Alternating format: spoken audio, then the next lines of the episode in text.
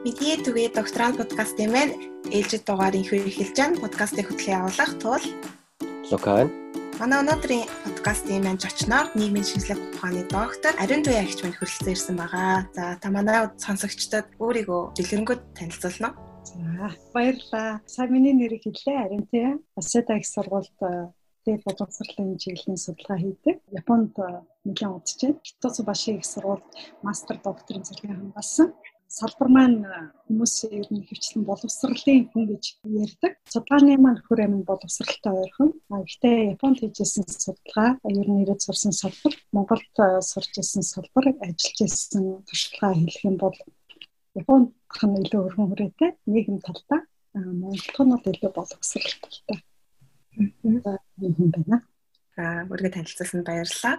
Тэгээ манай одоо хүртэл подкастын дугаарт маань ерөөхдөө жоохон байгалийн талын ухааны хүмүүс маань их оролцож исэн. Тэгээ өнөөдөр анх удаа туягч маань нийгмийн тэр дуудлага боловсролын судалгааны талаар ярих учраас маш үр өгөөжтэй сайхан яриа болох байх гэж бодож байна. Тэгээ манай уламжлалт асуултууд гурван асуулт байдаг байгаа. Тэгээ эхний асуулт тасаа шууд эхлээд явъя гэж бодож байна. Яагаад ер нь нийгмийн боловсрол гэдэг энэ салбарыг сонгож судлах болсон бэ? Тэр талаар яриач. Аа за баярлалаа.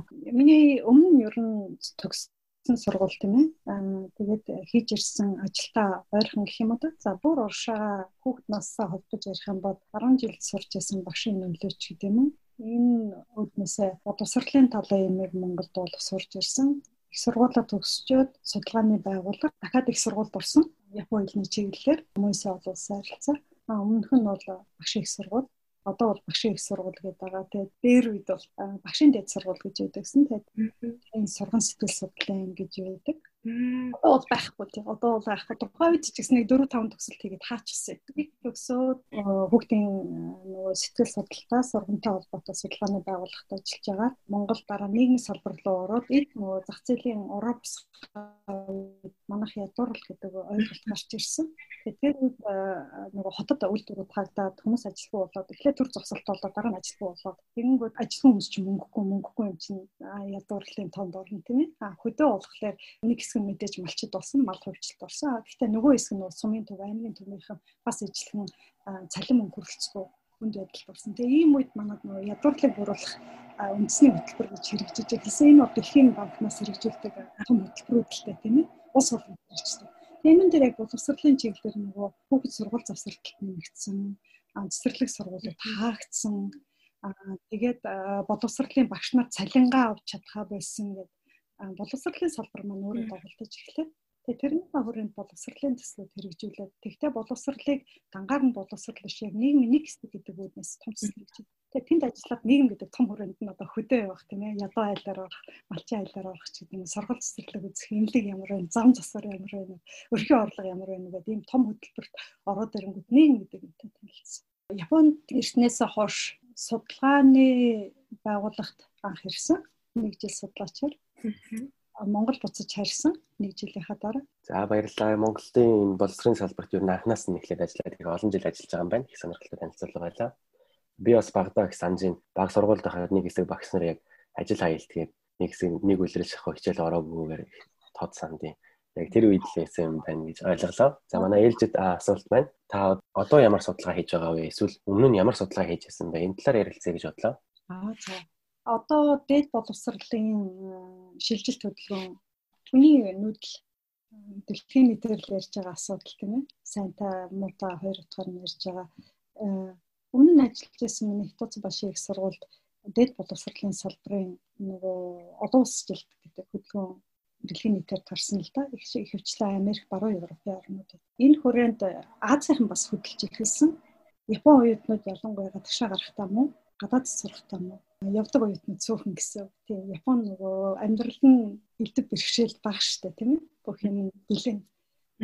Өөр оронд очих юм бол янз бүрийн одоо амьдралын нөгөө survive хийх гэж асуудалтай тулгардаг.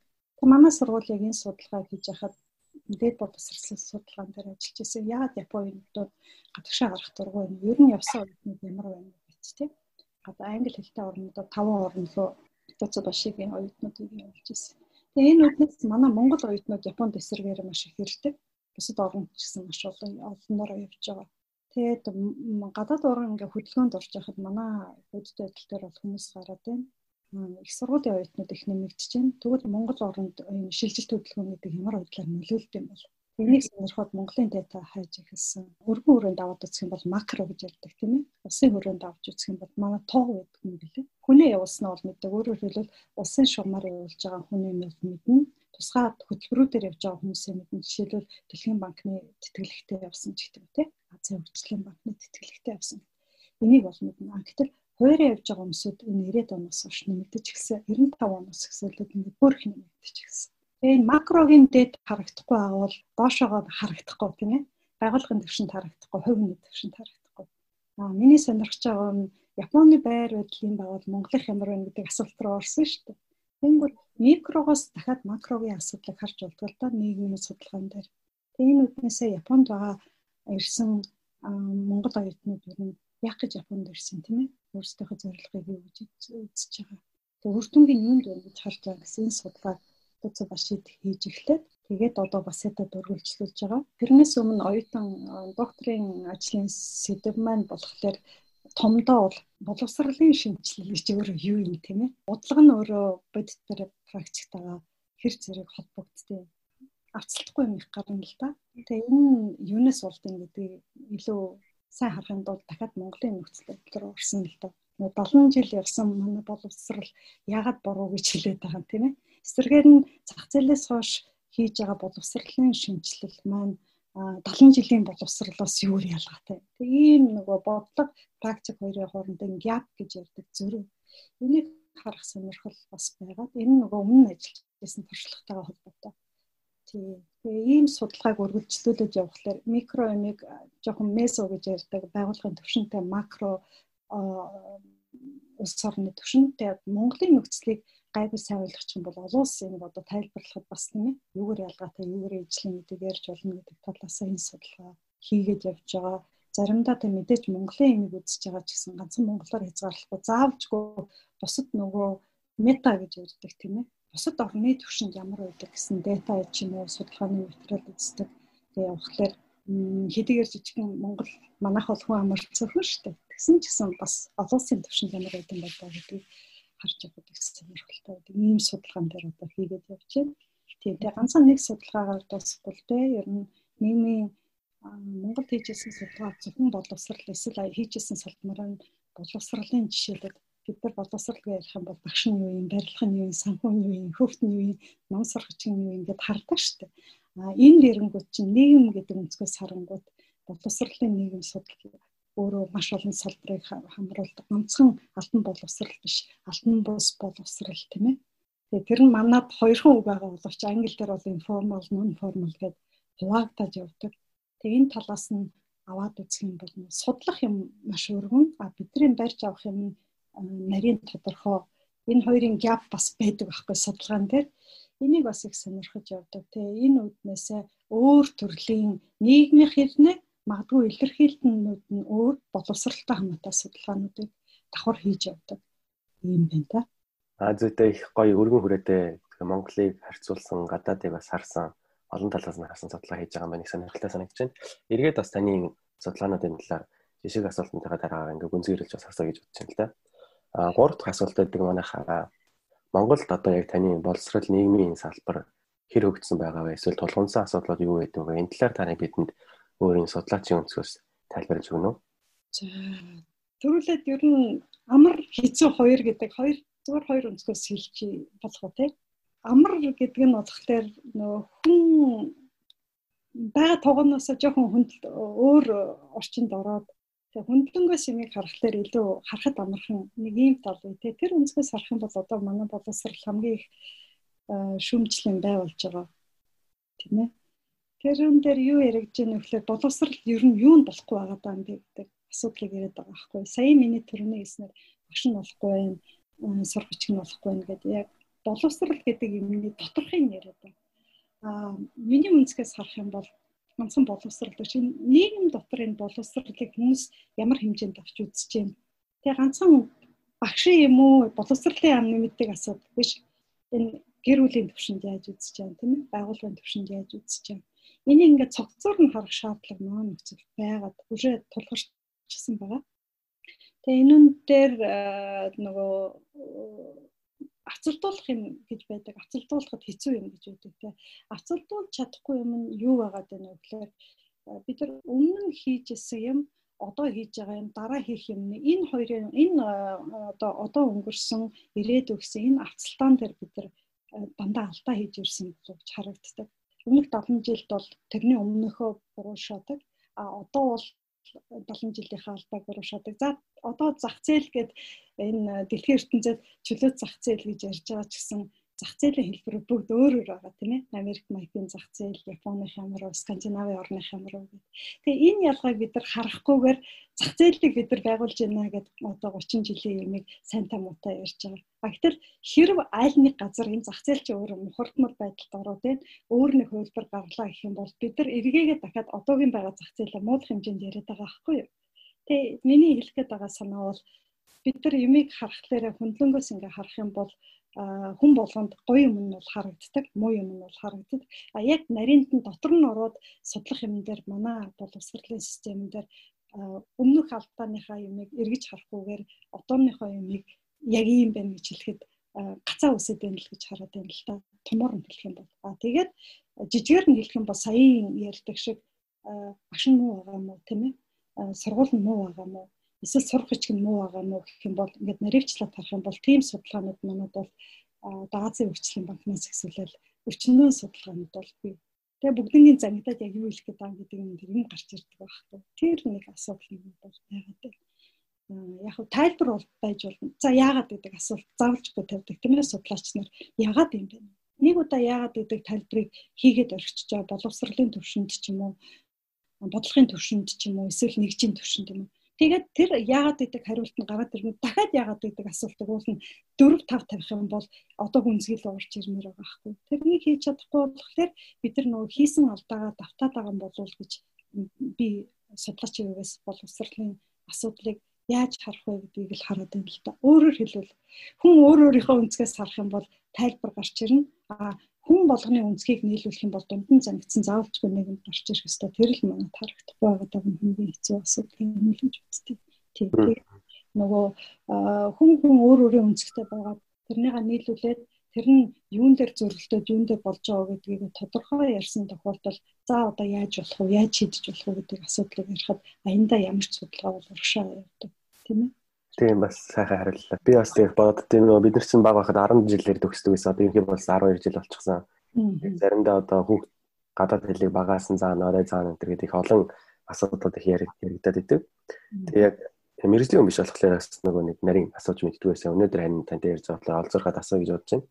Ойрын үед ингээ нөгөө Кембрижийн сургалтын системийг ингээд Монголд оруулж ирэх зөв буруу гэжсэн тэ. Тэгээ сая та ингээд хариулах өмнөх 3 дугаар асуултанд хариулахдаа та адны сайхан харагддаг, муу харагддаг. Тэрнийг ингээд Монгол яагаад гэдгийг хариулдаг болохоор ингээд бас дотоод өлмөг байдаг гэдэг. Ингээд Кембрижийг оруулах нь буруу юм уу? Буруу бол яагаад? Зөв бол бас яагаад гэдэг та өөрийнхөө өнцгөөс тайлбарлаж өгөөч. Аа зөв. Би өөрөө ч гэсэн хариултыг хагаад болохгүй байгаа нэг юм байна. Кембрижийн сургалт гэдэг чинь өөрөө юу юм бэ? Хамгийн түрүү юу гэдэг асуулт нь манад хариулт байхгүй байх гэж хараад байгаа л да. Keyword-ор нь одоо бид нар бүгд интернетд болсон тийм ээ. Интернетээр юм хайгаад үзэнгүүт мэдээлэл гарч ирдэг. А Кембрижийн хөтөлбөр юм уу Кембрижийн сургалт гэдэг монголоор кириллээр хийх юм бол гарч ирдэг. Тэр их сонирхолтой асуулт. А англиар юм уу японоор хийх юм бол магадгүй өөр хэлээрээ мэддэг хүмүүсд гарч ирэх юм бол линкүүд бол зөндөө гарч ирнэ. Тэгээд энэ юу гэж хэлээд байна вэ гэхээр бид нар Кембрижийн сургалт сургалт сайн муу гэж яриад байгаа ч гэсэн тийм ээ. Яг тэр нарийнт нь хайгаад үзэх юм бол тэр сургалт чинь өөрийн гэсэн философитой байгаа, зорилготой байгаа, аргачлалтай байгаа. Тэгээ тэр нь ганцхан Монгол орж ирсэн биш. Японд ч гэсэн байна, дэлхийн улс бүх улс орнуудад байна. Тэгээ түүхэн байна. Хамгийн гол нь зөв гэдэг тал нь юу гэж хэлээд байна вэ гэхээр тэр Кембрижийн боловсрлоор дэвшүүлж байгаа санаа нь юу гэж гарч ирэх вэ гэхээр тухайн хүний потенциал боломжийг англи хэл суурьтай болгоод ч гэдэг юм. Эсвэл олон улсын нөгөө зөөлөн чадвар гэж ярьдаг тийм ээ. Асуудлыг шийдэх чадвар ч гэдэг юм. Эсвэл critical гэж ярьдаг бүтээлчээр шүмжлэлтэйгээр юмыг харах чадвар гэдэг. Яг өнөөгийн нийгэм шаардлагач байгаа юмыг тэр Кембрижийн хөтөлбөр гэдэг юм дотор шингээж өгсөн байгаа байхгүй. Тэр үнднээс өнцгөөс нь харах юм бол энэ Монголд ч гэсэн хэрэгтэй байж болох санаа тэнд байгаа даа. Юу нь буруу болоод байна вэ гэхээр саяын миний хэлдэг шиг keyword-оор хаагаад үзэхэд нэгдүгээр мэдээлэл байхгүй тийм үү. Өөрөөр хэлбэл олон нийтэд тэр ерөөсө танигтаагүй байна гэсэн. Судлаач нарын төвшин тэрэн дээр ярьж байгаа мó эсвэл тэрийг оруулж ирсэн бодлогын хүрээнд тийм ээ улс төрийн хүрээнд гэсэн үг шүү дээ. Кембрижийн сургалт гэдэг чинь ийм ийм талаас ийм учир энэ нь ингэж байгаамаа гэсэн тайлбар нэгч байхгүй боловсролын амны сайтн дээр байхгүй, судалгааны хүрээлэнгийн сайтн дээр байхгүй, тэрний дагуу хэвлсэн материал байхгүй. Тэгэхээр энэ юу гэж юм бэ гэхээр хардлагын их усур гарч ирж байгаа гэсэн. Хоёрт нь болохоор одоо олон улсын Кембриж хөтөлбөр гэдэг хараад үзэх юм бол дандаа боломжтой сургуулиуд орсон байгаа байхгүй. Хувийн сургуулиуд орсон явж байна. Тэр Кембрижийн их сургуулийн хөтөлбөрт маш их хөрөнгө зарцуулж байгаа. Тэр хөрөнгө зарцуулаад тэрэн дээр хүүхдүүд нь өөрсдөө шалгалтын нөгж байгаа. Тэгэхээр тэр хүүхэд Кембрижийн хөтөлбөрөөр сурсан шалгалтын давсан маш өндөр шалгууртай гэж. Өндөр шалгуулт шалгуурын давсан байх юм бол тэр хүүхэд дэлхийн манахаар өндөр чанар сайтай сургуулиудад сурах боломжтой одоо нэг чанарын баталгаа болж байна гэсэн үг байхгүй юу. А тэгэхээр тэрүүнд тэгш боломж алдагдаж байна гэсэн. Хувийн сургууль боломжтой тийм ээ тийм газруудад а тэгтэл манайх тэрэн дээр дээрэс нь хувийн сургуулиас гадна улсын сургуулиудыг оруулсан гэсэн яриа бол байд. Ямар сургуулийн тэр нь яагаад энэ шалгуурт орсыг ямар үндслээр оруулсан гэдэг нь мэдээлэл нь хаалттай ил биш болохоор шудраг биш байна. Өөрөөр хэлбэл тэгш бус байдал автагдаж байна гэдэг үднээс энэ буруу гэсэн яриа болж байгаа. За тэгээд гурав дахь одоо яригдж байгаа юм нь юу вэ гэхээр хүмүүс ягаад дургуцаад байна вэ гэхээр Монголын Монгол дахь ер нь боловсролыг бараг л тэр чигээр нь Кембриж болгочихъя гэсэн ийм яриа гарч байгаа. А энэ улс төрийн хүрээнд бол энийг ойлгоно. Яагаад ойлгох вэ гэхээр ус болгон өөрсдийнхөө ямиг хийхэд бол улс төрийнхэн одоо улсын их хурлч гэдэг юм тийм ээ шийдвэр гаргадаг шүү дээ. Тэгээ тэд нар ямар ганцхан Монгол биш шүү. Гадаад орнуудаас ер нь хаан сайн туршлага байна. Тэрийг нь хуулж авдаг түүхтэй. Энэ бол хувь хүний хувьд ч байдаг тийм ээ хүнээс суралцах юм юу вэ? Хуулж авахдаа тэрийг өнгө царж байгаа байхгүй юу? Энгийн үнээр харах юм бол шинэ модель нэг машин гарлаа. Эсвэл шинэ загварын октодор ярих юм бол гоё хувц гарлаа тийм ээ. Тэрийг хараад моделийн өмссөн юм хараад гоё байгаа учраас надад таалагдж байгаа. Тэгээ би энийг аваад өмсчихье гэд авдаг. А гэтэл өөрийнх нь биеийн жим өндөр нам тийм ээ. Ясны том жижиг царайны өнгө төрх эдгэр нь тухайн модельд өмсөн шигээ яг өөрт нь гоё таарч ийн үгүй бол тэр хүн дахиад сайн харах хэрэгтэй болж байгаа юм яг тэрүүн шиг манайх гадны имийг хараад явахдаа а энэ гой загвар юм энэ гой загвар юм байна гэд хуулдаг. Тэр нь би дахиж хэлээ. Ганцхан Монгол биш бүх улс оронд бүх улс төрийнх нь тэр өмнөж байж ирсэн. Тэр бүхэл бүтэн судалгаа бас байдаг байхгүй юу? Судалгаа байдаг. Тэгээд тэрийг хуулж оруулахад одоо яах ёстой вэ гэхээр фильтрдэх ёстой. Тэр фильтрийг хин хийдэг вэ гэхээр яг тэр судалгааны байгууллагад ажиллаж байгаа А манад бол э, нөгөө хүрээлэнч гэдэг юм эрдэм шинжилгээний тусдаа think tank байгууллагууд ч юм. Тэр хүмүүсүүд энэ яг юу вэ гэдгийг нь судлах хэрэгтэй байхгүй. Тэгээ энийг манайх фильтртэж чадахгүй оруулж ирээд гоё байна гингүүд э, ям одоо юу гэдэг ямар нэгэн аргаар тэрийг зөвшөөрүүлээд тэгээ тэрүүн дээрээ муугаар ярих юм бол арын халаа шүү дээ тийм ээ. Ямар нэгэн байдлаар төрийн сургууль дундаас хэн аль нэг сургуулийг сонгож аваад Кембрижийн хөтөлбөрөөр явуулна гэхэд явуулчихж байгаа болохоор энэ төсвийн хувьд боломжтой юу? А бусад сургуулиуд тэгтэл одоо манайх боловсролын үзүүлэлтээр ээш гэж шалгалт авдаг шүү дээ. Тэрнгээр үзүүлэлт мутаа сургалтын чанар муу гэсэн дүнэлтүүд бол мэдлэн урчин жил хэвлэл мэдээлэл гараад нэлээд мас юу шуугсан шүү дээ. Сошиал медиагаар. Тэгээ нэг талд ийм сөрөг байдал байж хахад нөгөө талд хийсвэр те болох чинь гэсэн байдлаар хандах энүүн дээр буруу гэдэг дээр нийгэм тэр яриад дургуцчихлээ юм л та. Тэг энэ талаасаа бас буруу гэдэг ийм зүйлийг хэлж болохоор Түүнээс биш үзэл санааны хувьд Кембрижийн хөтөлбөр Монтессоригийн сургалт ч гэдэг юм уу Сингапурын сургалт ч гэдэг юм уу те эсвэл Японы сургалт гэл яг тэрүүнтэй л ижилхэн л нэг юмний л нэг гэд ойлгочих болно. Эсвэл олон улсын бакалавриат ч гэж бас ярьдаг те. Тэгээ энэ олон хувилбаруудын нэг нь л Кембриж гэж ойлгох юм бол байдаг л сургалт юм байна гэж ойлгоход болж байгаа байхгүй. Тэгэхээр бид нар бол ер нь өөрсдөө тааруулж одоо нутагшуулна гэх юм уу тийм дутуугаа нөхсөн сайныг нь улам сайжруулсан тийм системийг бол биднэрт хэрэгтэй байгаа гэж ойлгож болох уу? Оо тэр бол ерөөсөө нэгдүгürt болохоор өстой бодох ёстой юм юм байхгүй. За энгийн утасны жишээгээр л тэгж хэллээ шүү дээ тийм ээ. Тэгэхээр манай Монголын нөхцөлд чинь Монголын гэсэн нэг онцлог байгаа. Гадны гэж хэлээд байгаа нь одоо дэлхийн хэмжээний урсгал хөдөлгөөнийг сурах харах ёстой. Тэр бол зайлшгүй байх ёстой. Бид нар ганцаараа энэ дэлхий дээр байгаа Монгол улс биш. Тэр сайн ч юм байна, муу ч юм байна. Тэгээ тэрийг л сайныг оруулахын тулд өөрсдийнхөө одоо яг би хаана байна вэ те бид нар өнгөртөнд ямар байсан гэдгийг л харах нь улам чухал те ингэ томор нь хэлэх юм бол бид нар одоо өмнөх үед ч одоо ч гэсэн судалгаа талаасаа илүү сайн мохож ормоор л юм л те тэрийг л манай нөхцөлд аль аль талдаа ганцхан боловсролын хүрээнд биш шүү те тийм бусад салбарт ч гэсэн судалгаа руугаа илүү орсон салбаруудын илүү агцтай яваад байгаа юм болов уу гэж харагдтыг. Аа бас ойлгомжтойгоор гоё тайлбарж өглөө баярлалаа. Аа тэгээд дахиад би үргэлжлүүлээд бас нэг зүйл асуучих гэж бодож байна л да. Таны нөгөө хийж исэн судалгааны ажлуудын сэдвүүдийг та надад явуулсан байсан уншиж үзэх сонирхолтой сэдвүүд байна. Тэрний дотор бас нэг зүйлийг хөндлөмөр байна. Японд сурч Монгол оюутнуудын Японд суралцахын ач холбогдол болон туршлагыг судлах гэсэн сэдвтэй судалгааны ажил одоо хийж байгаа гэсэн байна. Ер нь одоогийн одоо ярьж төвшөнд одоо энэ судалгааны ажил ямар үр дүн гарч байгаа ер нь яагаад монголчууд ингэж их гадаадад сурдаг ч юм уу те Японы жишээн дээр аваад үзэхэд ямар хэмжээтэй байна хүмүүс ер нь ямар хандлагатай байгаа юм бол тэрийг бид нарт тайлбарлаж өгөөч. Аа за. За Японд тоо статистик талаас нь хэлэх юм бол жил болгон монгол оюутнууд нэмэгдээд байгаа. Татах төлөвөх хоёр хүчин үйлчилж байна гэж ойлгож байна. Татах хүчин Япон талын хүчин байгаа тийм ээ. Тэр нь юу вэ гэхээр Монгол байхгүй боловсролыг Японд болгоно. Чамд дэмжлэг үзүүлнэ. Чи ийм сайхан орчинд орно гэдгийг татах бодлогоор хэрэгжүүлдэг. Тэгээ энэ ганцхан Японд хийж байгаа юм биш. Ингээд томоор нь хараад үзэх юм бол энэ бүх хөгжилтэй орнууд энэ бодлогыг айл дэлхийн 2 дугаар дайнаас эхсүүлэл хойш хэрэгжүүлж эхэлсэн. Тэгээ Япон бол хоцорж орсон, хоцорж орсон ч гэсэн манайх 300 мянган гадаад оюутнуудыг авна гэдэг Тэгээ тэр дундаа дахиад ангилал хийж байгаа. Энийг бас манай оюутнууд гадаадд гарсан монгол оюутнууд бүгдөө хүн болгон гадагшаа гарахдаа сайн боловсрол эзэмшсэн дараагийнхаа ажил амьдралтайгаа зулгана магадгүй цалин өндөр ажил хийн эсвэл олон улсын хэмжээнд ажиллана гэдэг юм. Тэр талын мэдээллүүд бол мэдлэг төсөөлөл гэх юм бол энүүн дээр илүү тайлбарлаад авах шаардлага бол байхгүй. Яг бол хүний амьдрал тулгуурдаг юмнаас үүдэлтэй хэрэгцээ мэд байгаа байхгүй.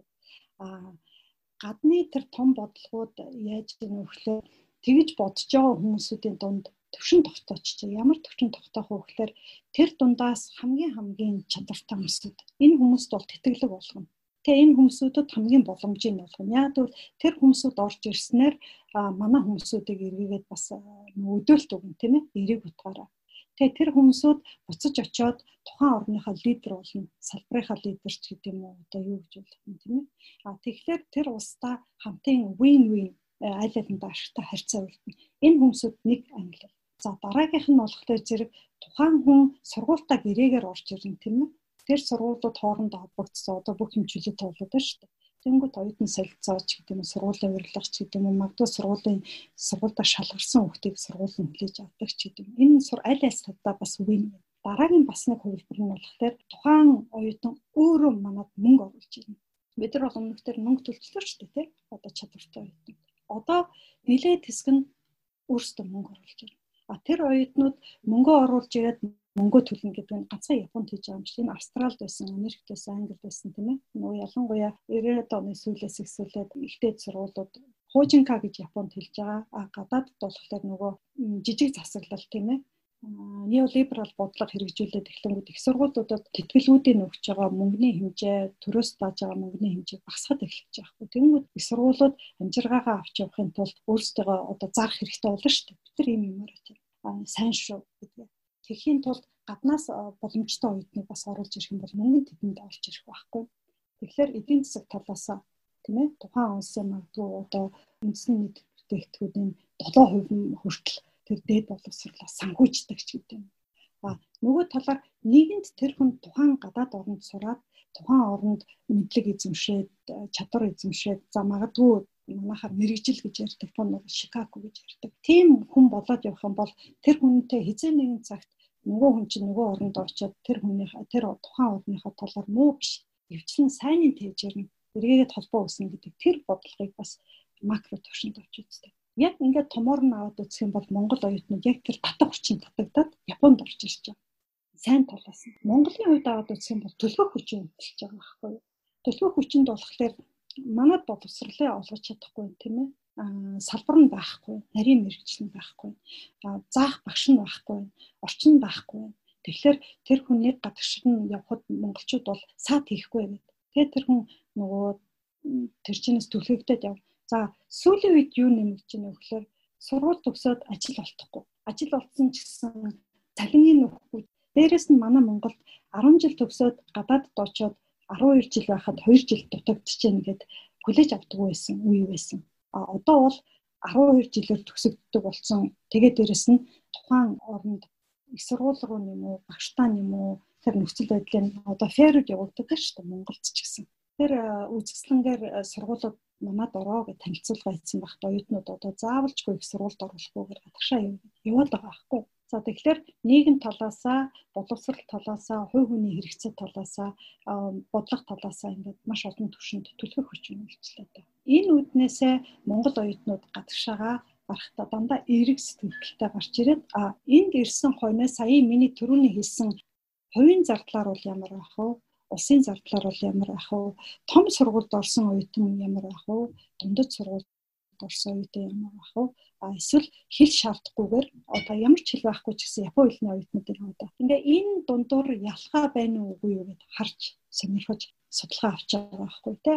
Дүгнэлт болоод бацаад ерөнхийд нь хэлэх юм бол бэлтгэл сайтай хэл үзсэн. Би Японы орчноор төсөөлөд хэлээ тийм ээ. Бэлтгэл сайтай хэлээ үзсэн. Тэгээд тэтгэлэг олддог сургуульд орсон хүүхдүүд амжилтанд хүрэх амжилт гэж хэлээ л да. Өөрөөсөө оюутнуудын хувьд амжилт өөрийгөө амжилтаа суралцж чинь би болж гин гэж хэлж байгаа.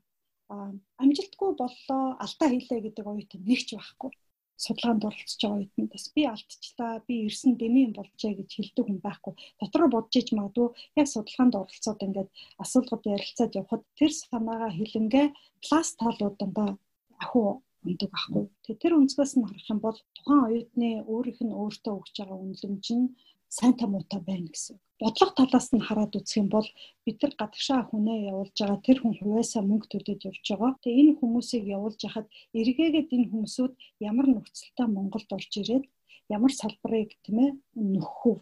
Ямар салбарт ажиллах уу? Энэ хүний орон зай юугаар бий болох уу? Нэг хэсэг нь гадаадд гарна, нэг хэсэг нь өөр гуравдагчд оронд орно нэг гэсэн буцаж ирнэ гэсэн тооцоол манад байна гэх юм бол байхгүй байхгүй бодлого талаас. Бодлого талаас хамгийн их хангал. А байгууллага талаас бол арай гайгүй. За тэр дундаа ингээд бүр туршлагачаад ингээд хосолсон хөтөлбөрөөр явдаг ч юм уу тийм ээ. Нөгөө орныхоо багшийг дагуулж орж ирдэг ч юм уу. Ийм юм бол бас манад гайгүй орж оруулж ирээд байгаа азрууд бий. А оюутны төвшөнд бол сая яг хэлснээр бэлтгэл сайн хийж ирсэн хүн бол энд гайгүй. Тэгээ бэлтгэл сайн хийж ирсэн оюутнуудын судалгаас их өвөрмөц нөгөө өмнөх одоо эргэн тойронд нь гэр бүлийнхэн ч гэдэг юм найз нөхдөйхэн ч юм магадгүй нэг анги нэг сургуулийнхын хүрээнд гадагшаа явсан хүмүүсүүд нь хэдий цэний амжилттай тэр хүм оюутнууд араас нь бас гайгүй хүмүүсээ дагуулад явд. А тийм биш тохиолдол нь юу вэ нөхлөөр ялангуяа одоо Японы хэлний оюутнуудын хувьд маш их асуудал болж байгаа. Нэг талаас болчихно гэд бодоод ороод ирж байгаа. А ороод ирэнгүүтээ сургалтын төлбөр Японы хэл хоёрыг ингээд зэрэгцүүлж ажил хийхгүй бол сургалтын төлбөрөөр төлж чадахгүй. Хичээл суухгүй бол ажил олдохгүй. Энэ хоёр яг Японы нөхцөл тэгж тавьдаг. Энэ оюутнууд нийт оюутнуудаа одоо манад энд хэдэн оюутан байна. Статистик талаас нь харах юм бол 2019 оны байдлаар 3400 оюутан байгаа. Тэгээ энүүн дээр Японы хэлний оюутан гэхлээр хуучин бол бакалаврын оюутнууд их байдаг байсан. Одоо Японы хэлний оюутан 1250 гаруй хүн гээд бодглохлоор 3 хүн тутмын нэгэн шах болчихж байгаа ч тийм 3 хүн тутмын нэгэн шах Японы хэлний оюутнууд 3000 гаруй оюутнуудаас Монголын хувьд бол энэ тухайн оюутны өнцгөөс харахад нэг ойлголт гарч ирнэ. Бодлогын хувьд гарч ирэх юм бол сая ангал гарч ирнэ. ийм байгуулгын хувьд бол би сая хэлжлээ тийм ээ гадаадад бүгдээр ингээд суралцаад ирсэн хүмүүс мань эргээд явахад бол хоорондоо connection хийгээд би бинийгээ санаалгадаг би бинийгээ мэддэг яг хин юу хийх гэж юу зарад яаж хамтарч болох уу гэдэг тийм connection амар чухал юм болов гэж бодлоо. Тэг яг тэр чиглэлээр цагаагч маань одоо энэ Японд сурч байгаа тий докторийн докторант докторийн оюутнуудыг хамруулсан докторийн бүлгэм гэж байгуулаад үйл ажиллагаа явуулдаг байгаа. Тэр бүлгэмийнхээ талаараас танилцуулбал манай сонсогч сонирхолтой юм болоо гэж бодлоо. Аа зөв за баярлалаа. Докторийн бүлэм гэж байгаа 300 гаруй доктор одоо Японд сурч байгаа гэж хэлэхэд бол энэ багтаа биш ингэж би хардаг. Тэгэхээр докторийн бүлгэм маань нийгэм байгаль хүмүүнлэг тэгээд нөгөө хэрэглээний шинжилгээ ухааны бүхэл салбарын хүмүүсүүд ингээд Японы 47 мужийн 47 мужийн 8 бүс дуудаг 8 бүсэд ингээд хуваагдсан байна. Тэгээд бидний энэ докторын бүлгмийн байгуулсан санаа нь бол ердөөсөө л тэрлээсэн л да. Японд бол 3 жил 5 жил ч гэдэг уу тийм ээ. 7 дээд нь бол 7 жил докторт бол сурах хэрэгтэй байдаг. Энэ хугацаанд өөрийнхөө судалгааны ажилд ингээд 100% ингээд хамаг цагаа зарцуулна. А гэхдээ тэр судалгааны сэдэв маань өөрөө нарийсах тусам Монголд очихлоор бас өөрийн нөгөө талын хүмүүс хэрэг болдог тийм ээ. Одоо бид нар зөвхөн нэг талыг бариад явж чадхаа болчлоо. Энэ дэлхийн нийтийн хэмжээгээр бол салбар хоорондын юмнууд хийдэг боллоо. Үйлдвэрлэл их сургууль тийм ээ. Төр их сургууль ингээ хоорондоо холбоотой яваад байна. Тэгвэл Монголын нөхцөлд байгаль заавал байгалаараа биш, нийгэм нийгмээрээ биш, хоорондоо холбогдоод юу байна уу? Энэ хүний судалгааны арга юу юм? Энэ хүний хийж байгаа ажил нь юу юм гэдэг хамгийн түрүү мэдээлэл солилцох орчин хэрэгтэй юм байна. Тэр орчныг бүрдүүлэхийн тулд бид нар онлайнаар холбогдсон онлайны боломж юу байна гэдэг. Тэгээ одоогоор бид нар бол ийм хаалттай бүлгэм жижигхэн тэгээ Facebook групп а тэгээ яг хуу энэнийг нөгөө учиргүй том байгууллага болгоод тий нэр ус зүгээд тамга тэмдэг зүгээд гişүнчлээд явъя гэх юм бол энэ бас тийм юу гэмдэ одоо давхар ачаал өөрнөл гэсэн үг л тий. Тэгээ тэхгүүгээр ер нь хоорондоо хамтрах боломж үүсгэх юм бол яаж болох вэ гэдэг үгнээс бүлгэмийг байгуулсан. Тэгээд бүлгэм маань болохоор гол хийдэг нэг юм юу гэдэг network Facebook дээр ингээд open нээлттэй а ил биш болохоор хүн болгон бол мэдхгүй тэрүүгээр асуулт юм уу судалгаатай холбоотой өөрийн мэрэгчлэн хүнээ олъё гэдэг юм тэр бол нээлттэй. А зүгээр яаж ажиллаж гэнэ үү гэдэг бас тусдаа асуулт болно л доо. Дундаа барьдаг нэг юм бол докторийн форум гэж жилд явуулдаг нэг удаа. Тэгээ 2016 онд бас амьдралын нөгөө хэрэгцээрээс л үүдсэн л асуудалтай. Өөрийнхөө салбарын имийг ингээл хийгээ сууж явах чинь бид нар чинь Монголын асуудал руу ордог байхгүй тий. Монголын асуудал руу ороод явхлаар зэрэг би энэс асуумар хэрэг гарна Япон одоо бид нар Япон орчинд сууж байгаа юм чинь Япон мэдээж одоо дэд гүрсэн оюутан, дод гүрсэн оюутан багшаасаа нь зөвлөгөө. Гэхдээ яг Монголын асуудал төр Монгол хүн л мэддэг болж таарна. Тэгэнгүүт өөр салбарт юм уу өөрийнхөө чиглэлээр ижилхэн Монгол хүн байх байгааг хайж эхэлдэг. Тэгээ яг хэрэгцээнээс үүдээд энэ тэнд байдаг оюутнууд ингээд хоорондоо бас л дотроо бодоод явж исэн л асуудал болж таарж байна тий. Токиод ч юм уу Осака гэм үү ингээд бодоод явж исэн хүмүүс нэг юм тайминг нөхцөл нь таараад яг ижлэх юм бодож байгаа юм ба штэ. Тэгвэл ингээ хоорондоо холбогдоод үзье. Нэг Токиод суглараад би эндээ ихтгэл тавьж үзье. Чи ямар судалгаа хийдэв гэх. Тэгээ бид нар чинь нэг бол англи хэл, байгалийнхан бол англи дээр доктор ажиллаа хийдэг. Нэгнийхэн бол голтуу хүмүүлгийнхэн тэр ялангуяа Японд дээр хийдэг. Тэгээд эрэнгүүт нь Монгол дээр өөрийнхөө ихтгэлийг тавина гэдэг нэлээд бас хэцүү амар биш болж таарч байна. Мэргэжлийн хэлнээс гэсүүлээ. Нарийн тусмаа магадгүй Монгол үг хэлэх юм аа Тэгээ энэ үднээсээ нэг 4 5 удаа цуглардаг байхгүй. Цуглараад биенийхээ судалгааг сонссон чинь аюулгүй сонирхолтой. Бүгд нэг Монголын тухай сэтгэсэн байдаг. Монголын хөдөө аж ахуй эдийн засгт олбсон. Соёлын нөгөө үнэт өвд манайх унхан олсон тийм ээ. Тэр нь олцсныхаа дараа тэрийг яаж одоо соёлын өвийг хадгалж явах уу гэдэг дээр бас Монголын сэдв. За Монголын хөдөөгийн малчид гэсэн сэдв орж ирсэн. Боловсролын асуудал гэдээ орж ирсэн. За ингээл ерөөсөө нэг 5 хүн цуглараад Монголын э, өөрсдийнхөө судалгааны сэдвийг ирсэн чинь Монголын талаар ярьж таардаг байхгүй. Тэгээ энэчнээс үүдээд л ер нь групп байгуулчвал яасан ингээд дараа жил нь анхны форум гэж явуулаад одоо энэ жил дөрөв дэх форум хийх гэж байна да. Тэгээ нэг жилдээ сая илээ 300 оюутан гэдэг чинь яг нөгөө академик хурал ч юм уу эрдэнэ шинжилгээний хурлаар удах юм бол ингээд газ ээлжинд дуусгаар л та. Гэтэл хоорондоо нийлээд ярихлаар нэг нэг нэг удаадаа ерөнхий хурд болно. Бүх бүх салбарын хэн ч хамаагүй ихтгэл тавьж болно. А нөгөөх нь бол тэр зөвхөн салбар дагнсан хурд байна. Тэгээ бид нар эхний жилдээ ерөнхийгөө хийчихэд хоёр дахь жилдээ ангаахыхаар хийсэн. Тэгээ гурав дахь жилдээ ерөнхийгээр хийсэн. Энэ жил бол боловсролынх байх хэрэгтэй байсан. Тэгээ ингээ коронагаар корона гараад ирсэн учраас бүх юм аргашаага ингээд ухраад боловсруулга болоод корона тойрсон сэдвээ голчилж өндөд тэгээ дээрэс нь илтгэл тавих хүсэлтэй хүмүүсүүдийг оруулж ирээгээд ийм дараалалаар явж байгаа. Тэгээ энэ форумаар дамжуулаад сая хэлээ иймтэйгээ холбогдох. Тэгээд өшөө жоохон том том санаанууд бол би нэгэн тийм доктор хамгаалаад ажиллаж байгаа хүмүүсүүд бас байдаг Японд тий. Тэр хүмүүсүүд маань бидний хувьд одоо миний нэгээр харах юм бол айгүй үнэтэй нөөц гэж харж болно. Тэр нөөцийг Монголын нөхцөлд тэр тухайн хүн ч гэсэн судлаач хүн чинь өөрийнхөө юмыг хийхдээ өөрийнхөө төлөө бичдэггүй тийм ээ олон хүн хүртээсэ гэдэг үднээсээ боддог тул энэ сонирхлоо нийлүүлээд дундын юу хийж болох вэ гэдэг юм л ормоор байгаа. Тэгээ одоохондоо бид нар нодлон жил бол аплай хийж үзсэн. Тийм нөгөө Японы шинжилгээ ухааны санал.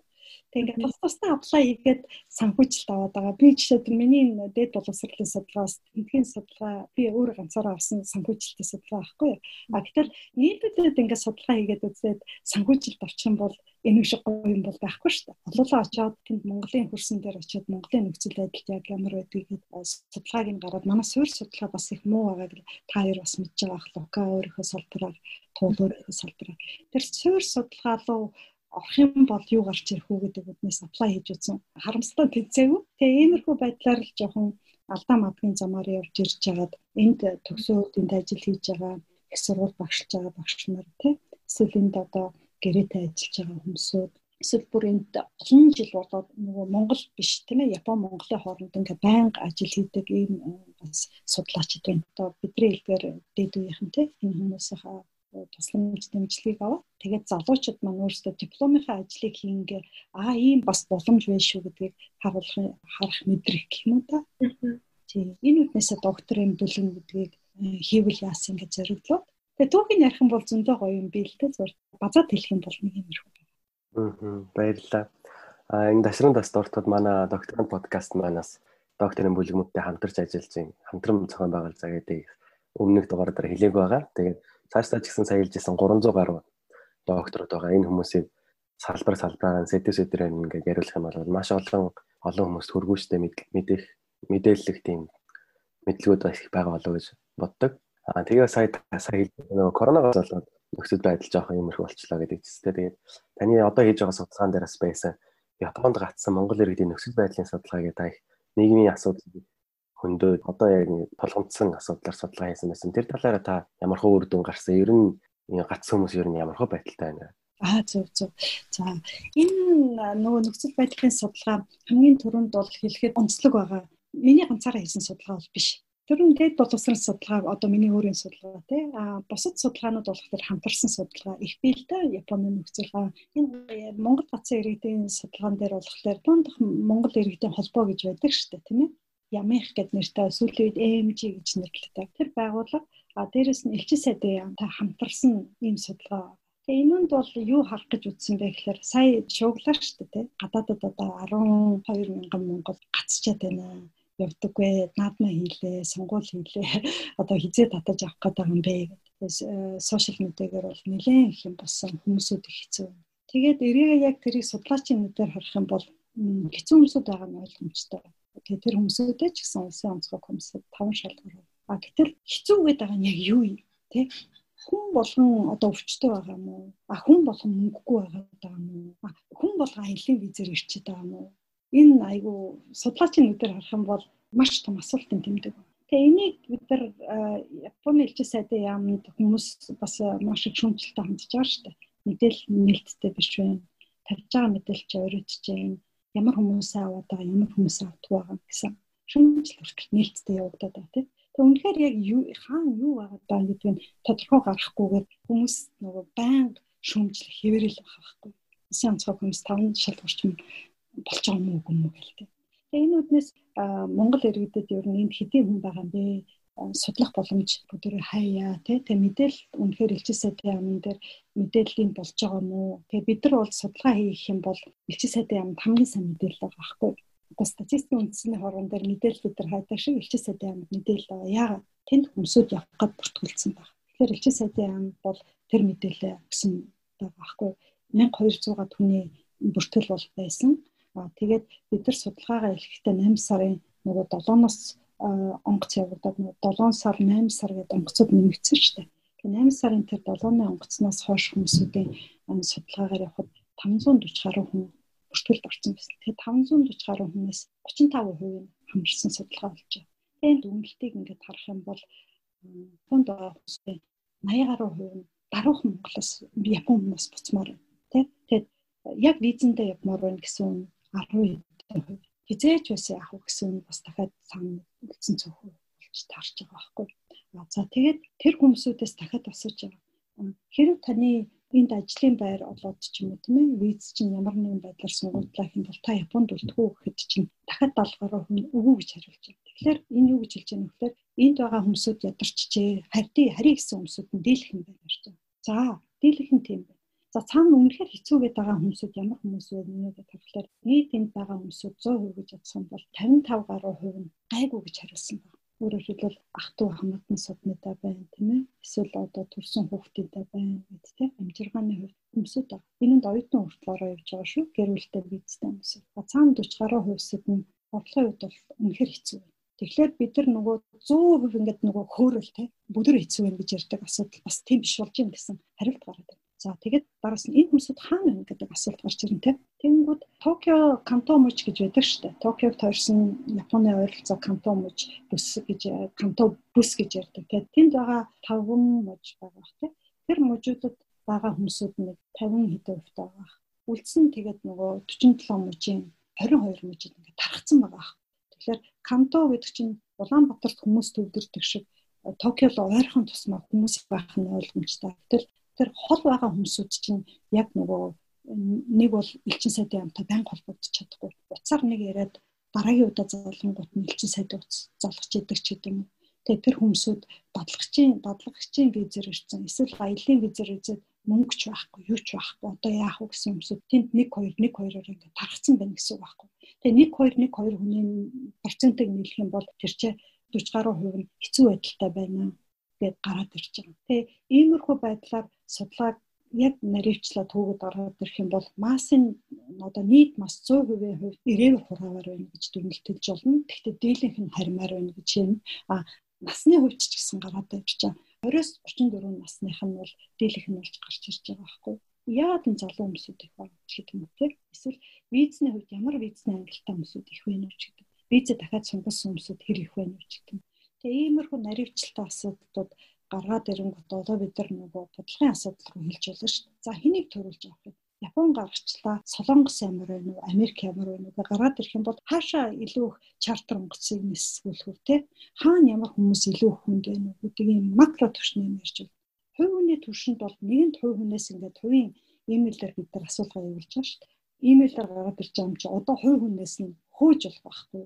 Хоккайдод э, хамгийн холд байгаа хүн Япон энэ Токио руу ирэхэд бол тэр хүн хэдэн цаг зарцуулахаар байна. 2 хоногийн өмнө мэдээл тэр хүн төрж болж гин үгүй тий тэр хүнд ирэх онгоц нь байна эсвэл юу нэ нэ одоо усан онгоц нэг бол усан онгоц нэг бол нөгөө нисэх онгоцоор ирж байгаа. Окинавад байгаа тэнд байгаа хүн ганцхан хүн байна. Гэхдээ тэр хүн ямар хүнд байдалтай байна гэдгийг ингээл хувийн мэдээлэл нь хөгөөдөр гаргаад байна. Тэгээ иймэрхүү ялгаануудыг энэ судалгаа гаргаж ирсэн л дээ. Тэгээ энийг хамгийн гол нь одоо Японы хувьд бол харьцангуй гайгүй. Яагаад гайгүй гэж хэлээд байна гэхээр нислэг бол ойрхон явагдсан. Тэгээ хүмүүсүүд ирээвэр хураавар байгаа учраас сая ч гэсэн элчээсэдийн ам дээр хэд юм 9 сарын ихэр байсан шүү дээ. Онгоц нисээ гэдээс хүмүүс нь олдохгүй боллоо гэсэн марк юм гарсан байсан байхгүй. Тэгээд бас онгоц нь тэрнээс болоод ч нисгээгүй ч юм уу ч юм сайн мэдэхгүй юм л та. Тийм юм гарсан байсан. Гэтэл Америкт ч юм уу тийм ээ корона ид савлж байгаа бусад орнууд эсвэл солонгост ч юм уу ажлын визээр ажил биш одоо нэг 10 хоног ч гэдэг юм эсвэл ажлын шуурмаар очичоод тэнд ингээ гацаад буцаж ирэхгүй юм байж л байгаа байхгүй. Одоо мөйсийн багш тэнд байна гэж дуулдж байгаа байхгүй. Ажилтаа ажилтан тийм ээ хармаар байдаг онгоц байхгүй тэгээ яах вэ? Гэд энэ үднээсээ нөхцөл байдлын судалгаа нэг талаас хэрэгцээнээс үүдэлтэй нөгөө талаас яг үнэхээр ямар байна вэ гэдгийг судлаачийн зүгээс сонирхож харсан юм судалгаа байна.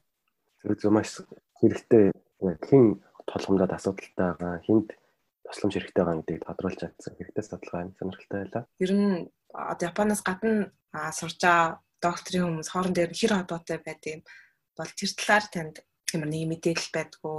Гадаадд байгаа докторууд би энтэйгээ хаана уулздаг гэхээр нөгөө олон улсын хурал дээр тийм тий. Тий, хорлууд дээр памфлетэнд гарна штэ тий, брошюр эмэгтэйчүүд нь гарангууд хамгийн түрүү Монгол гэд кийворд оруулаа хайдаг байхгүй. А тэгэхээр өө энд чи ийм хүн байгаа биш тэгээ. Тэр хүн байгаа тохиолдолд би энийгээ нөгөө хүний чинь цаг нь гараад дээр штэ тэд өдрийн тэдэн цагт тэдгээр урал нь болно гэх. Тэ амдаж очиод уулздаг. Тэ тэр бас их гоё боломж байдаг. Тэ тэгэж бас Америкт сурч ирсэн доктортой ч гэдэг юм уу тийм ээ. Өөр оронд орноос ирсэн, Солонгосоос ирсэн. Одоо энэ Японд бас урал дээр жишээлбэл Солонгосоос ирсэн хүнтэй таарч ирсэн. Америкт бол Америкт байсан хүнтэй таарч ирсэн, сурч ирсэн, Америк төгссөн хүнтэй таарч ирсэн гэд. Тэгээ ингээ би энтэйгээ тааралдаад яриа үүсгэн л тэ. Нөгөө хамгийн түрүүнд ямар судалгаа хийдгээс ихсэлэл ярьдээ. Тийм тэр их манай Монголын нөхцөлд бол их боломжийн хувилбар тийм ээ. Тэгээ Монгол ч гэсэн бас ийм хурлууд оюутныхаа дунд хийдэг л гэж хэлээ. Тэрийг өргөн болгох асуудал хэрэгтэй болдог. Ямс ч гэсэн хаяа гакка явж байгаа. Тэгэхээр агиих Монгол хүмүүстэй ер нь сүүлийн нэг 2 жил Америк Монгол хүмүүстэй таардаг бас болцсон яг нэг адилхан яаж болох. Тэгээ би энийхээ судалгааг одоо постэр хийж постэр дээр нь очивол танилцаал яжсэн. Монголд нөгөө бакалавра хамгаалчаад тэгээд нөгөө магистраас ч юм уу доктораас энд ирсэн хүмүүс болохоор нөгөө англи хэл дээр судалгаа явуулаад тэгээд өөртөө нөгөө суур мэдлэг нь болохоор монгол хэл дээр хийсэн учраас надад ингээ монголоор тайлбарлаж өгөөд. Тэгээд би өөрийнхөө эргүүлээд монголоор тайлбарлах гэхээр нөгөө чадахгүй. Тэгсэн чинь тийм монголоор ингээд нөгөө мэрэгжлээ мэрэгжлийнхаа ингээ монголоор сонсохоор амар тийм сайн хөө хийвэдэг л гэх юм. Тий, яг байн байн тий. Манай энэ нөгөө форум дээр ч гэсэн гардаг. Аа. Тий. Нөгөө хураангуугаа явуулж байхдаа юу яадаг штэ тий. Нөгөө мэрэгжлийн нарийн хиллэг чинь энэний орчуулгыг олсонгүй ч гэдэг юм уу тий. Тэгээд тэгээ энийг англи чигээр нь ингээ оруулчаа гэд тийм Тэр ганцхан Японд гаднаас ирсэн бас нөө зочин багш нарын яриан дээр ч гэсэн гардаг л да. Тэгээ Японд ч гэсэн угаасаа л тийм л байдаг тийм ээ. Зарим хэл үг хэллэгүүд бол ялтчих байхгүй нөгөө тухайн хаанаасаа гарч ирснээсээ шалтгаалаад яг тэр чигээрээ хэрэглээд байдаг. Би бие тэгж болох бас ялангуяа цөөхөн монгол хүмүүст бол их зөв санагддаг тий. Би яга таньж аваад тэгээ ажиг тавина штэ бас энэ ямар судалгаа хийж байгаа вэ? Бүгдүүд тий. Одоо энэ бүлгэн Японд байгаа энэ бүлгэнтэй яг адилхан үйл ажиллагаа явуулдаг ч юм уу? Тийм одоо бусад оронд байгаа докторийн оюутны талаар л бодод байна л да. Яг адилхан үйл ажиллагаа явуулдаг тиймэрхүү бүлгэмүүд байдгийн болоо скол хамтарч ч юм уу тийм ажилтдаг бас адил төстэй бүлгэн байдгүй гэж асуумаар байна. Зөв зөв. Тийм тий. Тий. Үнэхээр бас сонирхдаг асуултууд нэг байхгүй. Тэгээд ингээ хувь хүний төвшөнд харах юм бол э, байгаад байгаа. Одоо Японд сурж агаад өөр оронд очисон миний ойр өрөөнд дэлхийд Тэтуцу башигаас 4 5-аараа ингээ араагаасаа эдийн засгийнхан тийм ээ. Бонд мастера төгсчөөд тэгээд э, Америкт очиод юм уу Канадад очиод мастер төгсөөд тентхийн дахиад мастер зурхгүй болохгүй шүү дээ. Доктор борохын тулд. Тэгээд тэнд докторт орчоод одоо тэнд их сурвалж багшилж байгаа ч гэдэг юм тийм ээ. Ийм кейсүүд бол зөндөө байгаа да. Тэр хүмүүсүүд яг бүгдөө энэ Японд байдаг шиг групп болж гэнэ үгүй нэ гэдэг юм бол би яг нийтлэг дэлхийн хэмжээнд бол мэдэхгүй. Яг бол мэдээлэл угаасаа байхгүй байгаа даа гэж хэлэх гээд байгаа байхгүй юу. Зөвхөн миний мэдж байгаа хэмжээнд төстөө байгууллага хаана байна вэ гэхээр Хойд Америкт цахим мөртөөний нэг салбар гээд байдаг. Тэнд болохоор ганцхан докторууд биш байх шүү га магадгүй өөр салбарын тийм ээ. Тэнд олон жил ажилласан бизнесийн салбар ч юм уу тийм ээ. Хүмүүсүүд нийлээд а юу төстэй байна вэ гэхээр жилд нэг удаа яг юм судалгааны хурал хийдэм байлээ. Тийм зохион байгуулалттай хийдэг. А тэгээд бидний хувьд бол сонирхож байгаа юм нь юу байна вэ гэхээр одоо монголчин нөгөө нэг хэсэг төрийн бус байгуулах чинь ингээл борон дарах мөнгө ингээл бүгд нэмэгдсэн шүү. Тэ яагаад нэмэгдснэг мэдхүү хүн ямар нэгэн байдлаар нөгөө нийгэм бас их бага хэмжээгээр э, одоо хөрөнгө оруулалт гэж э, томоор хэлэх юм бол хөрөнгө оруулалт зүгээр жижигээр хэлэх юм бол би эндээ тус тэмтэй юм хий гэж боддог нь хүн юм байна л да тий. А тэгэд мэдээж хүн болгон яг ижилхэн биш зарим хэсэг нь тийм юмд огт хамаарал хүмүүсүүд бай. Тэгж хамаардаг хүмүүсүүд болохоор нэг нь улсын хэмжээнд тийм зохион байгуулалтаа тийм систем байхгүй байгаа нөхцөлд төрийн бус байгууллага болж ингээ хоорондоо нэгддэг э, одоо докторын групп шиг нэгт нэг тийм үднээсээ манад асуудал тулгарсан тэрийг шийдэхин тулд хоорондоо нэгдэж эхэлсэн төрийн бус байгууллагууд ингээд нэмэгдсэн тэр асуудал. Хоёрт болохоор нөгөө зах зээл шилжснээс хойш төрийн бус байгууллагууд маш их нэмэгдсэн юу вэ гэхээр гаднаас нөгөө тусламж дэмжлэгүүд орж ирэнгүүт төрийн байгууллагт өгөхөөс илүү иргэний нийгмийг дэмжин, зах зээлийн нийгмийг дэмжин арчлыг дэмжинэ гэдэг үднээс иргэний нийгмийн байгууллагуудад санхүүжилт болгож эхэлсэн байхгүй.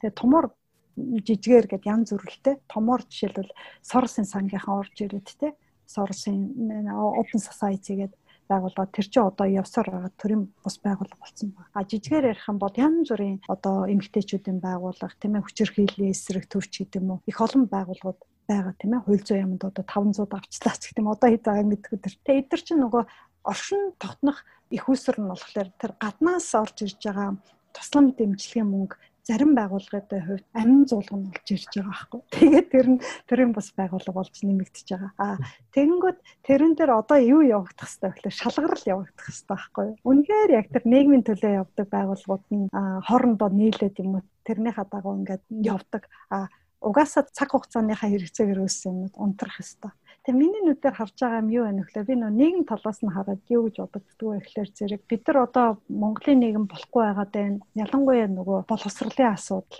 ядуурлаа одоо 30% биш тийм ээ бараг 40-оос дээш болчлоо. Яах юм гээд хот хөдөөгийн ялгаа маш их боллоо тийм ээ. Хотоос хөдөөрөө нүүдэл маш их боллоо. Тэгээ яах юм гэд асуугаад байгаа хгүй бид нар чинь үйлдвэр байгуулж чадахгүй байгаа хэрнээ одоо нүүрсээ зараад ах юм уу яах юм гадны ураны хувийг авчиад тэндээ хаях юм уу тэгээ мөнгөтэй болох юм гээд аюулгүй олон асуултын тэмдэг байгаа да. Тэгээ тэрүүн дээр юу вэ нөхлөөр одоо энэ хөгжилтэй орнуудын юу нь хөгжилтэй гэж хэлээд байгаа гэхээр иргэний нийгэм нь өөрөө төрийнхаа гүйцэтгэж чадахгүй юмыг дуу хоолойгоо өргөөд хоорондоо нэгдээд хүн болгон би дуу хоолойтой энэ болохгүй байх гэдгийн өдөөс нэгддэг тийм нүх сувг тэнд байна гэсэн. Тэрний тулд одоо тал талд ингээд хүмүүсүүд юм байгуулад Монголын хувьд бол тэр шат нь одоо жоохон өнгөрч байгаа болов уу гэд. Одоо юу хэрэгтэй вэ нөхлөөр хоорондоо нэгдэх хүчээ нийлүүлэх. Тэгээ энийг л бонд байгаа докторууд жижигхэн фейсбુક одоо элдв тамга тэмдэг ийм тэм юмгүйгээр ингэж явж байгаа. Хаана ихтэй тийм ижил төстэй байгууллага болох юм бол нийлэх хэрэгтэй л гэж хоорондоо ярьдаг байхгүй. Тэгээ хүчээ нийлүүлээд явах гэдэг талаасаа бас байж болох хувилбар мөн мөн л байгаа байхгүй тий. Тэр талаас нь тэр Америкийн цахим мөртөө цахим мөртөө чинь угаасаа айгүй хүчтэй гарч ирсэн. Ер нь бол Монголын хувьд бол сонирхолтой бас сайн нэлээд одоо боломж төвлөр штэ. Тэдний доор явж байгаа байгууллагууд тэдний туршлагыг бас их сонирхож үздэг. За тэгээд өөр бусад докторууд яг ямар явдгийг бол мэдгүй. Солонгост бол бас нэлээд олон доктор оюутнуудыг сурдаг гэж дуулсан. Тэгээ тэд нар зөөр яг докторийнхаа оюутнаар юм уу? Эсвэл яг Японд дах нөгөө ямуух шиг тийм ээ? Японд дах оюутны холбоо холбоогоороо тэгж явж гин үү? Сайн мэдэхгүй. Ямар ч талаас энэ тэнд энэ тэнд байгаа хүмүүсүүд ингээд бие бинийгаа олох гэдэг юм уу? Дуудуугаа олцоод хөдөлгөх судлаачдын зүгээс бол ялангуяа маш их хэрэгцээ байгаа. Бас бас салбараа мэдэхгүй болохгүй байна. Өрөнд орны нөгөө ангаах гэдэг шиг л бинийгаа аль болох ингээд шинжлэх ухааны нөгөө үүсэлцэн дандаа тус тустай байсан бол одоо бие биенээсээ уйлдаж эхэлж штэ тий. Тэр талаасаа бас боломж байгаа болов гэж хардаг. Тий. За өнөөдрийн дугаарт ингээд айгу олон өргөн цар хүрээтэй сэдвэр их олон зүйлүүдийг гүнзгийрүүлж ярьж өгсөн баярлалаа. Тэгээ хамгийн сүүлд нэг танаас нэг асуулт асуулмаар. Монгол ер нь ингээд шинжлэх ухааны өөрийн одоо хөгжлийн төвшөнд одоо судлаач нараа бэлтгэх байдаг юм уу те боловсруучсан бэлтгэх тал дээр ер нь ямар хөө бодлого барьж явбал зүгээр. Ер нь өмнө ямар бодлоготой байж байгаад одоо өөрчлөгдсөн юм уу, өөрчлөгдөг юм уу те. Цаашдаа ямар зүйлүүд хэрэгтэй байгаа талаар та өөрийнхөө бодлыг хэлээч. Аа за. Салбар болгон өөр болохоор бүгднийг төлөөлж хэлнэ гэж бол бас хэцүү тийм ээ. Зөвөр ерөнхийд нь ингээд нөгөө хараад үзэх юм бол судлаач нар юу их ашигладаг вэ гэхээр судалгааны их сурвалж ашигладаг. Аа манайхаар бол нөгөө номын санд ч юм уу тийм ээ. Эсвэл онлайнаар байгаа мэдээлэлүүд. Тэрүүн дээр гадны төвшин дод мэдээж мэдээлэл бол маш их Монголын нөхцөлд бол байгаа боловч тэр мэдээлэл хангалттай биш гэдэг нэг асуудал яригдана. Хангалттай биш гэдэг нь ямар үднэс яригддаг гэхээр манай номын сан төв номын сан ч гэдэг юм үндэсний архив ч гэдэг юм тэнд байгаа мэдээллүүдийг бид нар ингээд чөлөөтэй ашиглах боломж хязгаарлагдана л. Зунд одоо очиод судалгаа хийнэ гэх юм бол гар ажиллагаатай дандаа аналог тийм ээ. А интернетэд тэрээр холбогдсон датабейс байгаа ч гэсэн тэрүүн дээр дундаас бол цаг маш их зарцуулдаг. Тэгээ энэ дээр нэлээд хөрөнгө оруулалт хийх ёстой гэж харагддаг. Тэгээд тэр материалыг ашиглаж чадна гэх юм бол нөгөө хүн өмнөх байгаа хүний хийсэн юмыг дөрүүлжиж за би яг юу хийх гээд байгаа ижил юм хийх гээд байгаа мó өөр юм хийх гээд байгаа мó сайжруулах гээд байгаа мó гүнзгийрүүлэх гээд байгаа мó тий ондруу урах гээд байгаа мó практик руу орох гээд байгаа мó хэрэглээл урах гээд байгаа мó гэд тэр юм чинь нөгөө өмнө нь байгаа одоо ариунт байгаас өмнө тийм ээ лукагаас өмнө яг энэ салбарт яг энэ асуудлаар хэн судалж ирсэн гэдэг дээр яг тэр дата гэдэг үгнээсээ их сурвалж хэрэг болдог. Энэн дээр манайх хөрөнгө оруулалт хийх хэрэгтэй. Уус төв номын санд одоо маш гоё эрдэм шинжилгээний танхим биш үү ширээ мэрэ бол янз ингэрл мэрлэн а гэвч тэнд би жишээлбэл гараараа ингээд захиалгын хуудасаа бичээд тэгээ тэр нь тоотоол лимиттэй тэгээ тэрийг номыг нөгөө номын санч манд гараараа зөөдөг тэгээ ямар нэгэн одоо автоматар дээш тушаагүйгээд юм уу өөрөө очиж сонгодог ямар ч арга байхгүй. Энийг жоохон өөрчлөх хэрэгтэй. Одоо сүүлдээ номын сангаа нураагаад юу болж байгааг бүү мэдтэй. За энэ байна. Хоёрдугаар гэх юм бол яг судлаачдыг хаана бэлтгэдэг вэ гэхээр ууг нь Японд бол докторт бэлтдэг тий. Америкт бол мастераас нэглээ бэлтдэг. А манад болохоор нөгөө судлаач нарын а одоо нөгөө доторх агуулга гэх хараа тийм ээ. Судалгааны арга, онлын мэдлэг гэдэг юмн дээр цаг маш бага тавьдсан байна гэж харагдаад байна л та. Тийм. Японд байх юм бол жишээлбэл олон нийгэмлэгүүд байгаа тийм ээ. Тэгээд тэр нийгэмлэг төссөн үсээгүй хүн ороод ирэнгүүт ингээд нүдүүлдэг тийм ээ. Аа өөрийнхөө мэдэхгүй байгааг ингээл мэдээл наривчлал яваад байна. Аа Монгол тийм олон нийгэмлэг угаасаа байхгүй. За тэгвэл яах вэ гэхээр их сургуулийн төвшөнд ялангуяа хуучин бол ямар байсан гэхээр ихэвчлэн хэрэглээ талаас нь хүнээ бэлддэг байсан. Боловсон хүчин шинжилгээ ухаанаар явах хүмүүс нь тусдаа тэр хүмүүсүүд бол нөгөө аспирантур одоо гэд яваад эрдэм шинжилгээний хүрээлэнд доцент доцент гэдэг аюул олон жил судалгаа хийж агаад бүтээлээрээ хамгаалах хүмүүс маш их байдаг байсан. Тэд нар бол цэвэр шинжилгээ ухаан онл тал руугаа ороод явах нэлээд их. Одоо их сургуулиуд тэрнээс татгалзаад судалгаа нэгдүгээрт ялангуяа мөс гэдэг юм те шүтээс тэгээд дараа нь боловсрал сургалт гэж явж байгаа байхгүй. Тэгээд тэрүүн дээр одоо бид нар гадна талаас нь хайрцаг нь бэлтчихлээ. За одоо яах вэ гэхээр хөтөлбөрөөр хараад Монголын нөхцөлд судалгааны аргачлал гэж юу юм тийм ээ.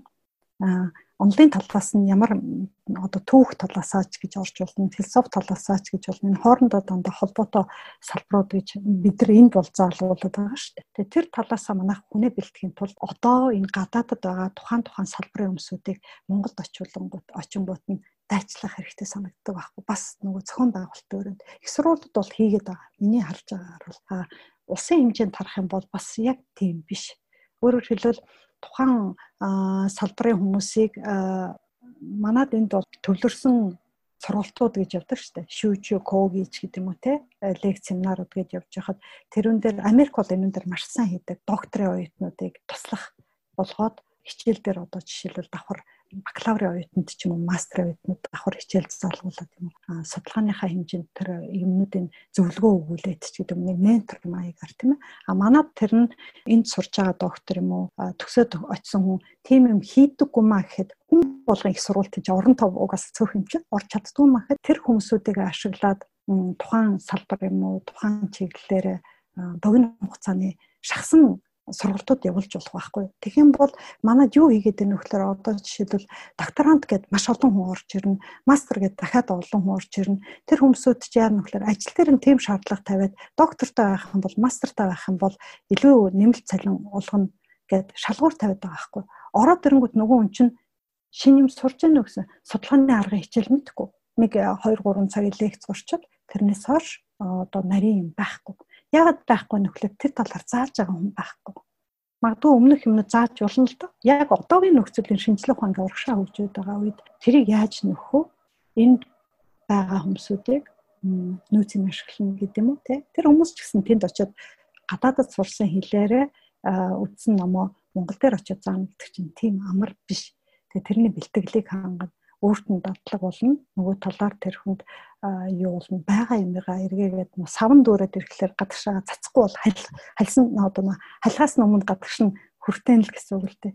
Энэ системийг манад Монголд хямд төсөр аргаар юм уу яаж хийж болох вэ? Тэгээ дээрэс нь одоо корона гарлаа шүү дээ. Онлайн дэлхийд даяараа онлайн сургалтууд орж ирлээ. IC-ийн маш их сурж байна. Энэ IC-ийн хүмүүсүүдийг ашиглаад их сургуулиудын хөтөлбөрүүд дээр яаж энэ боломжийг корона боломж болгож ашиглах уу гэдэг дээр би сая хэллээ те хувийн сургуулийн төвшөнд зарим экстэд сургуулийн төвшөнд болоод байгаа боловч нийт масаар нь хазах юм бол манай судалгаа талаараа угаасаа муу байгаа учраас энийг дэвшлүүлэхийн тулд боломжтойгоор нь хөрөн каяхан нөгөө талаас нь бодлогын хүрээнд яаж зохицуулах вэ? Даашаа энэ одоо яамд ороо тэд боловсролын газар гэж байгаа даа. Тэрнээс бүр тусад нь одоо юу гэдэг нь манад нөгөө Японд бол жассу массу гэл босод оронд ингээд тусдаа юунууд байгаад шүү дээ. NGO гэж хэлэхэд NGO биш. А төрийн байгууллага гэхэд төрийн байгууллага биш. Ийм бүтэц гаргах юм бол энэ дээр бол ажиллах боломж Монголын нөхцөл бол одоогийн нөхцөл шаардлага нь. Тэгээ шаардлага байхгүй байгаа нь тухайн тарааж болохоор санагдал байт юм л та.